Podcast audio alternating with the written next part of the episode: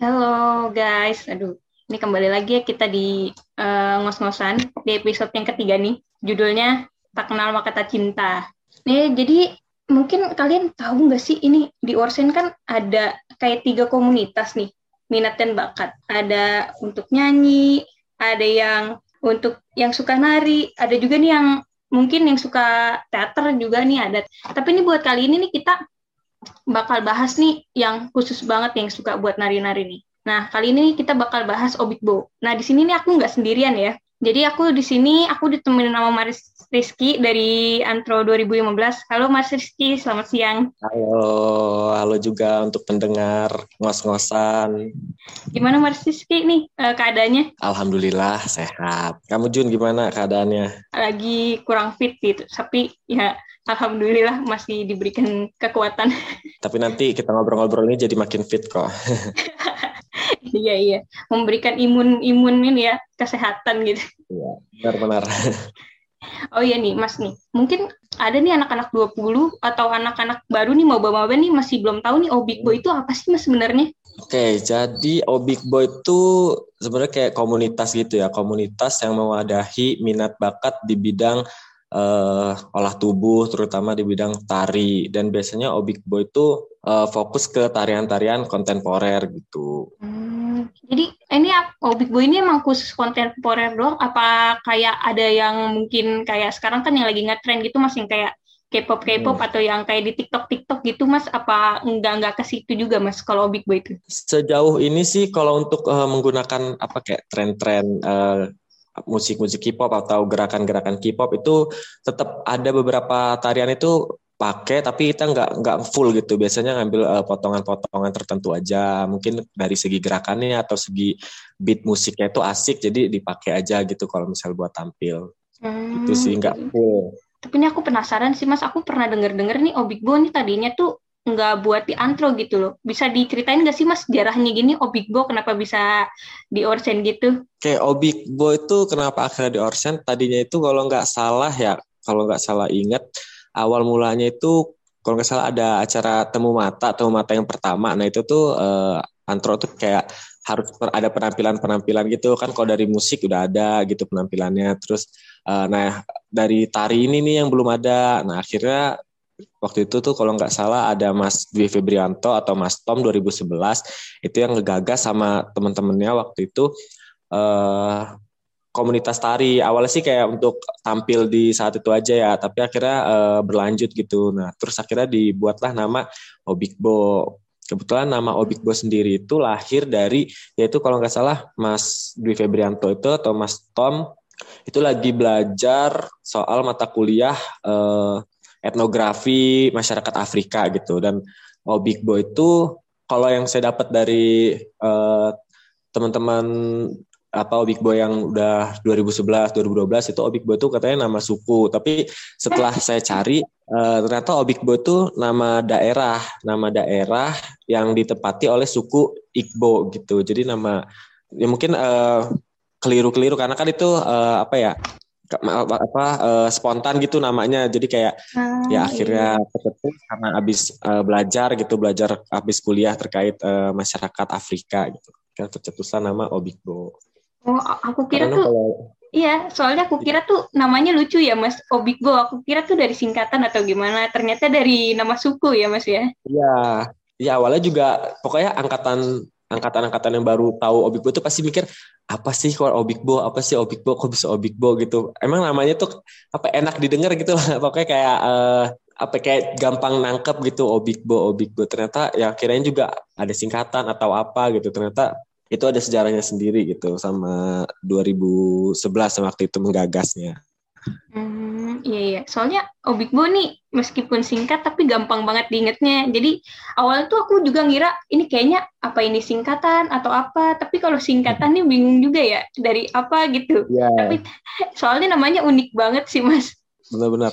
Ya emang dulu juga sempat mikir singkatan Obikbo tapi kok nggak ada unsur-unsur tarinya? Apa seenggaknya huruf T atau huruf N kok nggak ada? Terus di mana tarinya? Dan juga nggak ada huruf D kan yang iya, maju iya. ke den iya itu mas. Itu yang kayak oh ternyata aku baru tahu nih mas. Jadi sekarang tuh yang aku uh, anggapnya tuh kayak ini singkatannya apa ya? Obikbo ternyata yeah, tuh yeah. yang bukan dari singkatan ya mas ya? Bukan.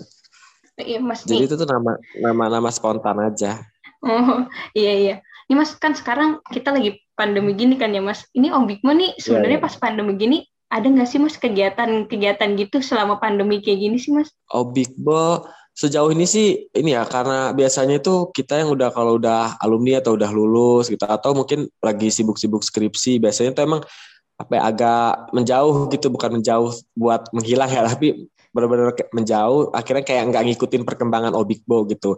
Kemarin sih saya udah sempat ngobrol-ngobrol sama anak Obikbo yang masih aktif.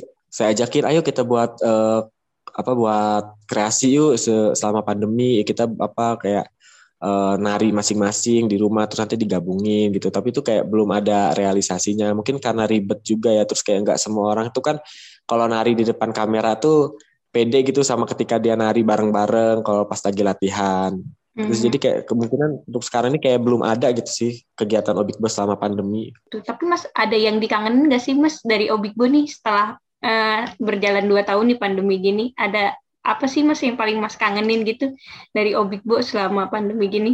Jadi yang paling dikangenin dari Obikbo itu prosesnya, gimana kita menciptakan tarian, terus kadang gimana pas latihan. Jadi tuh kadang Obikbo tuh kalau dia latihan jauh-jauh hari, kalau ini ya apa semenjak saya yang megang, terus angkatan 2015 ke atas lah, itu tuh kita nggak bisa latihan jauh-jauh hari. Kita tuh kalau latihan jauh-jauh hari, ujung-ujungnya kebanyakan bercanda, ngobrol, terus kayak gerakan juga kayak buntu gitu, nggak ketemu-temu. Tapi biasanya kalau udah Hamin satu bahkan kadang lima jam sebelum tampil. Itu tuh baru bener-bener baru apa selesai gitu koreografi. Bahkan pernah yang paling ekstrimnya itu 30 menit sebelum tampil itu sambil make up sambil mikirin gerakan-gerakan ini nanti kayak gimana gerakan apa bagian akhir tuh gimana gitu. Itu kita baru kepikiran gitu. Jadi sih paling yang paling dikangenin itu dari Obikbo gimana prosesnya. Oh iya, iya, tapi keren banget itu mas. 30 menit sebelum tampil baru ini ya koreonya baru keluar itu kayak wah ya. hebat banget itu. Itu 2011 pernah tuh 2000 apa ya 2011, 2012 sama 2013 itu pas lagi lomba apa kayak lomba penampilan kesenian lah di Bazar Day-nya FIB itu mereka bahkan latihannya hamin dua jam kalau nggak salah dan itu dapat juara satu. Wih hebat banget. Jadi kita tuh selalu kalau yang kalau kita apa kalau aku selalu mikir apa kayak bisa bisa ayo objekku pasti bisa walaupun kita mepet tapi kita harus uh, seenggaknya walaupun karena kan konsep kontemporer itu walaupun kesannya kayak nggak nggak kompak antara satu penari dengan penari yang lain, tapi kita itu harus ngasih rasa ke gerakan kita, ke tarian kita, biar apa? Biar penonton itu ikut merasakan apa yang kita rasain gitu ketika kita menari. Jadi pesannya itu tersampaikan lewat rasanya itu.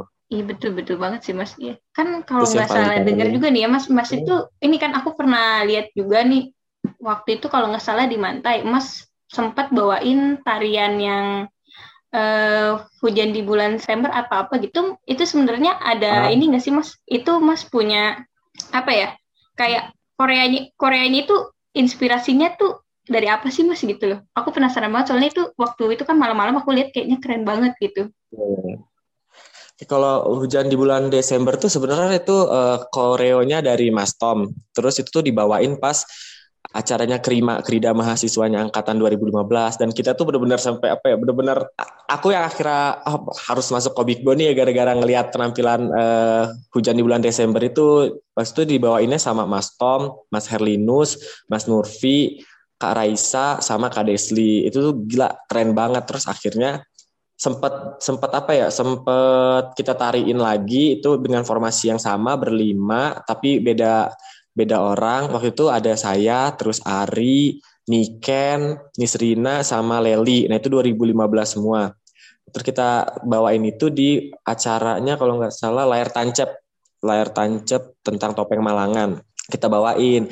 Tapi kalau menurutku kayak ada ada beberapa yang kurang gitu mungkin karena kita latihannya terlalu mepet terus juga kan masih waktu itu masih kayak baru itu penampilan pertama 2015 di Obikbo terus akhirnya bawain lagi itu pas uh, ya kalau nggak salah acara di luar deh acara di luar aku sama Vili bawain lagi uh, bulan Desember apa hujan di bulan Desember itu. Dan itu berdua terus akhir kayak ngerubah koreo koreo dikit aja gitu kan tadinya berlima terus jadi sisa berdua.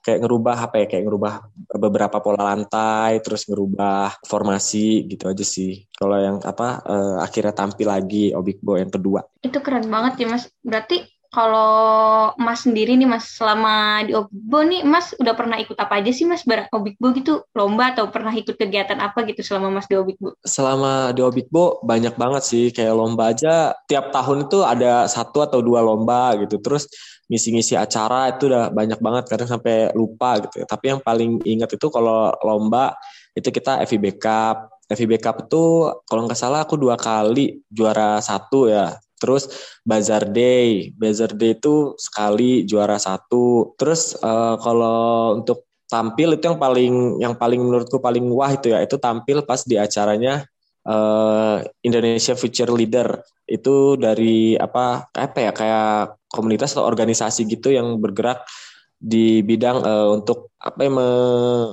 memberikan ini wawasan terkait apa itu future leader lah gitu ke teman-teman yang bergabung pada organisasi itu gitu. Kita diundang terus tampil di gedung kesenian yang dekatnya Museum Musik Indonesia. Mm-hmm. itu sih yang paling wow banget. Itu juga berarti, sering banget diundang ke acara. Mm-hmm. ya gimana? Berarti ini ya Mas Obikbu nih uh, istilahnya nih udah banyak banget ya ikut-ikut kegiatan kayak gitu apalagi lomba-lomba ya? Banyak banyak. Tapi untuk lomba Obikbu sendiri masih sebatas ini sih sebatas di lingkup fakultas gitu. Kita kayak belum berani sih berani. Tapi kayak kalau ada kalau kita mau lomba di luar itu masih kita masih mikir-mikir aduh kita latihan aja kayak gini. Kayak jadi itu kayak ada ketakutan tersendiri. Padahal tuh kalau untuk cari pengalaman harusnya ya nggak apa-apa gitu. Tapi emang karena ketakutan sendiri terus anak-anaknya juga susah dicarinya kalau begitu lomba keluar. Jadi kayak pak kayak pada takut gitu. Ini mungkin nih nanti nih kalau ada anak-anak 20 atau anak-anak baru yang mau ikut Obikbo nih bisa nih nanti nih lomba-lomba nih Obikbo keluar ya mas ya, ya biar ya. gak cuma di fakultas doang. Ya pokoknya Obikbo tuh semenjak 2015 ke atas tuh pokoknya kalau nggak juara satu, juara dua, juara satu, juara dua gitu kalau di fakultas. Nih hobiku nih keren banget ya aku sampai miss gitu. Soalnya ternyata keren banget ya e, kalau ikut lomba tuh juara satu juara dua gitu. Ini mas aku ada satu pertanyaan nih mas buat mas. Ya, ya. ini nih menurut mas sendiri nih tarian favorit apa sih mas? Kalau mas tampil tuh pasti mas bawain itu. Tadi selain yang hujan di bulan Desember itu mas. Kalau kita biasanya tampil tuh kalau misalkan kan biasanya itu yang nentuin musik terus nentuin koreonya itu biasanya bareng-bareng kan. Tapi yang bener-bener selain hujan bulan Desember itu yang paling favorit itu Say Something sama uh, This Is Me. Itu kita lirikal emang kalau 2015 itu udah mulai apa kayak trennya tariannya Obik gue tuh lirikal lirikal tapi kalau sebelum itu tuh biasanya kayak ada instrumen musik terus mereka uh, nari dari instrumen musik itu. Tapi itu bisa dijelasin nggak sih mas kenapa suka banget tuh sama yang This Is Me sama yang satu itu lagi? Kalau yang saya something itu itu itu awalnya itu kan sempat dibawain dua atau tiga kali gitu. Itu yang oh, tiga kali. Kalau aku ngebawain tiga kali yang pertama itu formasi lengkap itu berempat. Itu ada Mas Nurfi 2012 ada Leli 2015 Vili sama aku. Itu Vili sama aku pasangan. Mas Nurfi sama Leli itu pasangan. Jadi kita kayak uh, dance berpasangan gitu. Itu tuh bener-bener yang buat apa ya yang buat itu jadi favorit tuh karena feelnya itu kayak aku aku aku menginterpretasikan kayak kan say something itu kayak ke pasangan kayak aduh kalau kalau ada masalah ya diomongin itu jangan diem gitu jangan diem gitu sih kayak. Apa walaupun walaupun aku sama Vili bukan ibaratnya kita nggak pernah pacaran segala macam tapi itu kita berusaha di situ tuh kita lagi lagi ada hubungan yang harus diselesaikan dengan cara berbicara gitu. Dan itu emang kalau videonya ada aja ya tuh keren banget sih. Betul banget sih mas. Itu kalau ada sesuatu yang belum selesai hmm. memang harus dibicarakan sih jadi, nah iya itu tuh kayak kayak apa biasanya tuh kita sebelum memang sebelum latihan tuh dengerin lagunya dulu terus kayak uh, sama-sama bareng-bareng gitu ngomongin ini nih ceritanya tentang ini ceritanya tentang ini. Jadi tuh kayak nanti bawain emosinya tuh kayak gini. Nah itu tuh yang buat akhirnya uh, say something itu dapat banget karena emang prosesnya juga kita waktu itu sampai keluar modal ya buat buat apa buat bentuk ta apa buat uh, nyitain koreonya say something itu karena kita latihannya di studio uh, di studio tari dan itu karena di FIB penuh banget terus kita benar-benar kayak nggak bisa konsentrasi karena kan biasanya kalau obi apa kalau obik bola latihan itu ada kayak kegiatan-kegiatan lain juga di sekitarnya jadi itu kayak nggak bisa konsentrasi. Akhirnya kita move ke studio tari dan itu benar-benar apa ya ngerasain apa ngebangun feel-nya itu di di situ. Tapi Mas nih aku ada satu banget sih yang ganjel nih Mas ya. Kan Obikbo yeah. ini kan uh, bisa dibilang genrenya ini kontemporer ya. Tapi apa sih yang iya. ngebedain yeah. nih yang buat Obikbo tuh punya ciri khas gitu nggak sih mas sebenarnya? Kayak mungkin dari yeah, iya. tariannya yeah. harus sesuai dengan musiknya atau tariannya harus uh, menyampaikan makna dari musiknya atau gimana sih mas? Sebenarnya ciri khas Obikbo tuh awal-awal tuh orang-orang ngira ciri khas Obikbo tuh hitam-hitam. Soalnya kita sering banget tampil pakaiannya itu hitam-hitam. Bahkan oh, iya, make upnya juga iya. hitam-hitam. Ya. Nah, terus uh, pas aku coba-coba ke ngomong ke Leli, ke Vili waktu itu eh coba kita pakai pakai makeup makeup karakter gitu. Waktu itu pernah uh, bawain apa ya tentang gunung dan laut itu sama Vili sama Kak Raisa sama Leli. Nah itu kita nyoba-nyoba uh, pakaian hitam tapi ditambah sama kain kain khas dari timur gitu. Terus juga uh, make upnya kayak apa ya? Tetap masih hitam tapi ditambah-tambah kayak ukiran-ukiran dari eyeliner gitulah, dibuat kayak tato-tato tato-tato apa yang etnik banget gitu. Dan itu benar-benar akhirnya oh ternyata Obik tuh uh, walaupun hitam-hitam tapi bisa loh dimasukin ke, kayak apa ditambahin warna-warna lain gitu terus akhirnya kita bangun sendiri objek itu ciri khasnya bukan bukan dari kostum tapi dari gimana uh, setiap penari yang tampil itu bisa ngebawain rasa dari tarian itu terus nyampe ke penontonnya itu sih yang menurutku ciri khas Obik Batu itu. Jadi emang ini ya Mas, uh, emang sih kalau ngelihat kan Obik oh, tuh aku juga waktu pertama kali lihat tuh pakai bajunya hitam-hitam terus pakai ya. kain batik terus aku sempat nyari juga ya. nih mas di YouTube juga kok Obik Bu hitam-hitam ya. ternyata emang itu ya mas apa kayak kayak hitam tuh warna cari aman gitu aja lah cari aman gitu ibaratnya ya satu warna hitam tuh pasti semua orang punya. Jadi kadang kan karena biasanya kebatas apa terbatas sama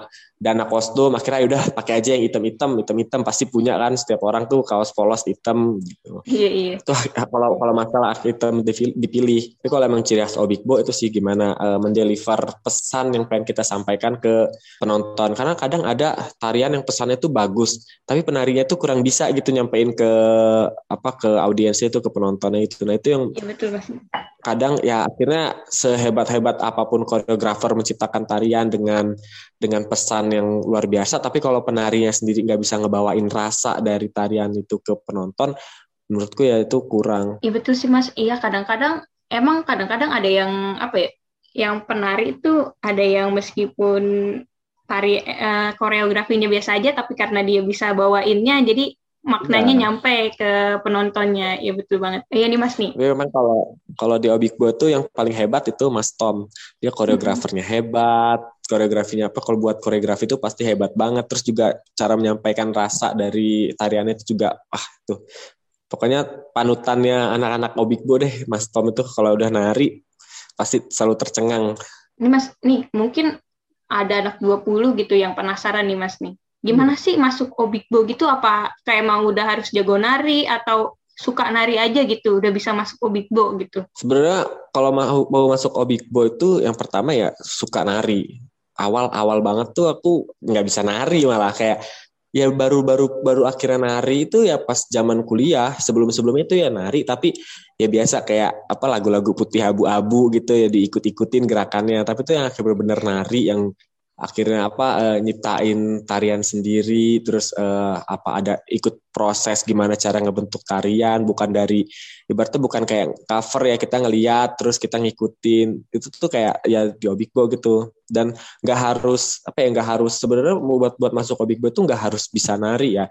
Seenggaknya walaupun dia nggak nggak bisa nari tapi dia bisa ngebantu kayak tim Obikbo lain buat make up buat apa mikirin konsep mikirin uh, konsep kostumnya itu gimana kalau tariannya temanya misal temanya laut itu kostumnya kayak gimana itu juga bisa gitu. Dan kalau emang mau belajar ya Obikbo ini tempatnya buat belajar nari. Karena di Obikbo tuh emang semuanya tuh apa ya semuanya itu masih ya tahap belajar. Kayak misal ada kalau di angkatanku tuh Leli walaupun Leli udah jago nari tapi Leli itu tariannya lebih ke ini lebih ke apa tarian-tarian modern. Akhirnya Leli juga belajar buat ke ke tarian-tarian kontemporer yang tadinya Leli itu kalau misalnya nari beat-beat cepet gitu itu jago banget Leli.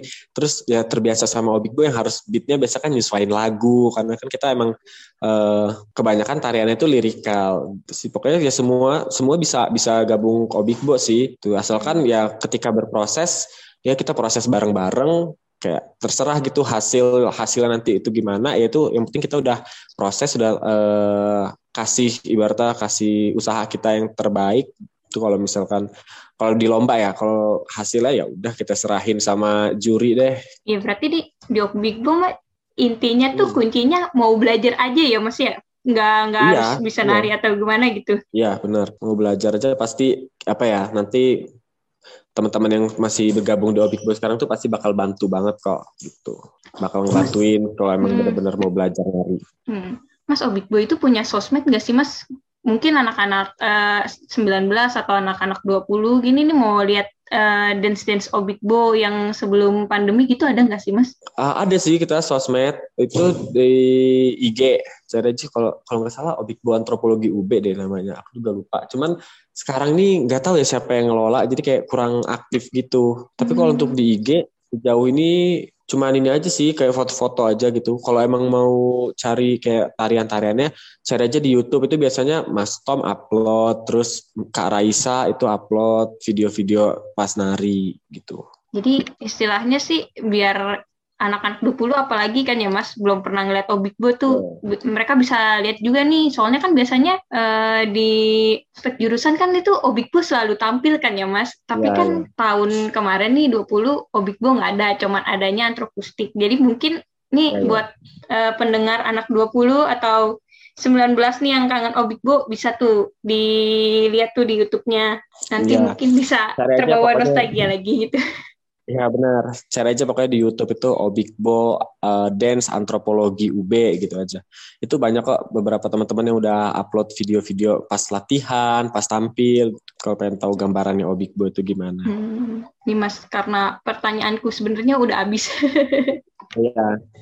apa ngobrol-ngobrol aja. Kalau ada yang mau tanya lagi juga nggak apa-apa. Oh iya Mas nih, kalau mau gabung Obikbo nih Mas nih. Pertanyaanku terakhir iya. ini kayak sih. Itu uh, ngubungin siapa sih mas? Kalau mau bergabung nih misalnya. Anak 19 juga ada yang mau gabung tapi dia nggak tahu nih mas harus ngubungin siapa nih kalau buat gabung. Kalau mau gabung Obikbo biasanya itu hubungin uh, pertama itu hubungin dulu mungkin dari divisi olahraga dan seni dari ini ya Himantara hubungin dulu. Nanti dari uh, divisi Orsen itu bakal diarahin ke penanggung jawab Obikbo-nya Oke, jadi buat anak-anak 20 nih atau 19 yang berminat bisa hubungi Orsen ya. Iya, cek aja di IG-nya Hima ya, di IG-nya Himantara kan itu ada Orsen itu siapa-siapa aja tuh, hubungin. Bisa langsung DM aja mungkin ya nanti. Nah, iya, nanti diarahin kok sama mereka. Biasanya diarahin ke penanggung jawabnya dulu, gitu sih. Iya, mungkin nih Mas sebelum ini nih Mas sebelum hmm. penutupan, Mas ada ini enggak nih Mas ada kata-kata untuk untuk teman-teman pendengar nih Mas? Ya.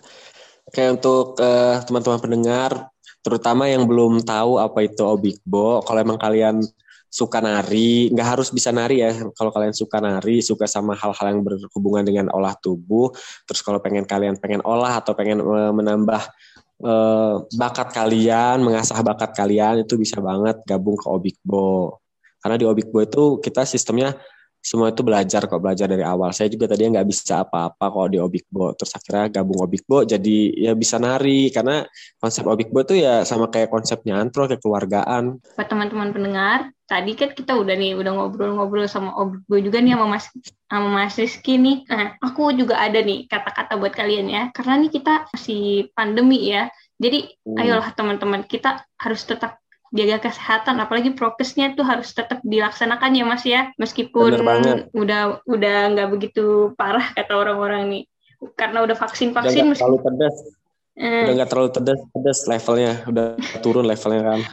Iya dari level 4 kan sekarang udah turun terus nih. Ya. meskipun gitu meskipun udah divaksin jangan bandel lah gitu tetap pakai masker kalau keluar, jangan berkerumun lah. Itu yang suka nongkrong-nongkrong tuh kadang-kadang Mas banyak banget nih Mas uh, mahasiswa yang yeah, masih yeah. suka nongkrong-nongkrong gitu kan sama teman-temannya sampai malam kadang-kadang nggak pakai masker, nggak cuci tangan tuh. Boleh nongkrong tapi prokesnya dan juga nongkrong tuh tujuannya untuk kepentingan yang mendesak gitulah. Nah, betul banget Mas. Kalau cuman yang nongkrong biasa-biasa aja nggak penting-penting ya. banget mending nggak usah ya Mas ya karena benar-benar masa kita mau gini aja sih udah hampir dua tahun gitu. Apalagi kangen latihan ya Obikbo, terus nah, kangen tampil juga kan. Kan, betul banget nih. Jadi kalian ayo bantu kita dong. Itu masa kalau cuman aku sama Mas Rizky doang, ya mana bisa berakhir gitu loh. Jadi kalian juga harus ya prokesnya itu. Jangan lupa juga buat minum vitamin, berjemur gitu kan, biar imunnya tuh makin kuat ya. gitu.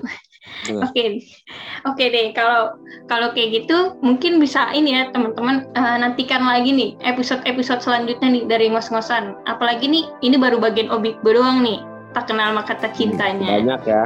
Nah, masih ada lagi nih lanjutannya. Jadi terima kasih buat yang mendengarkan dan dadah. Dadah.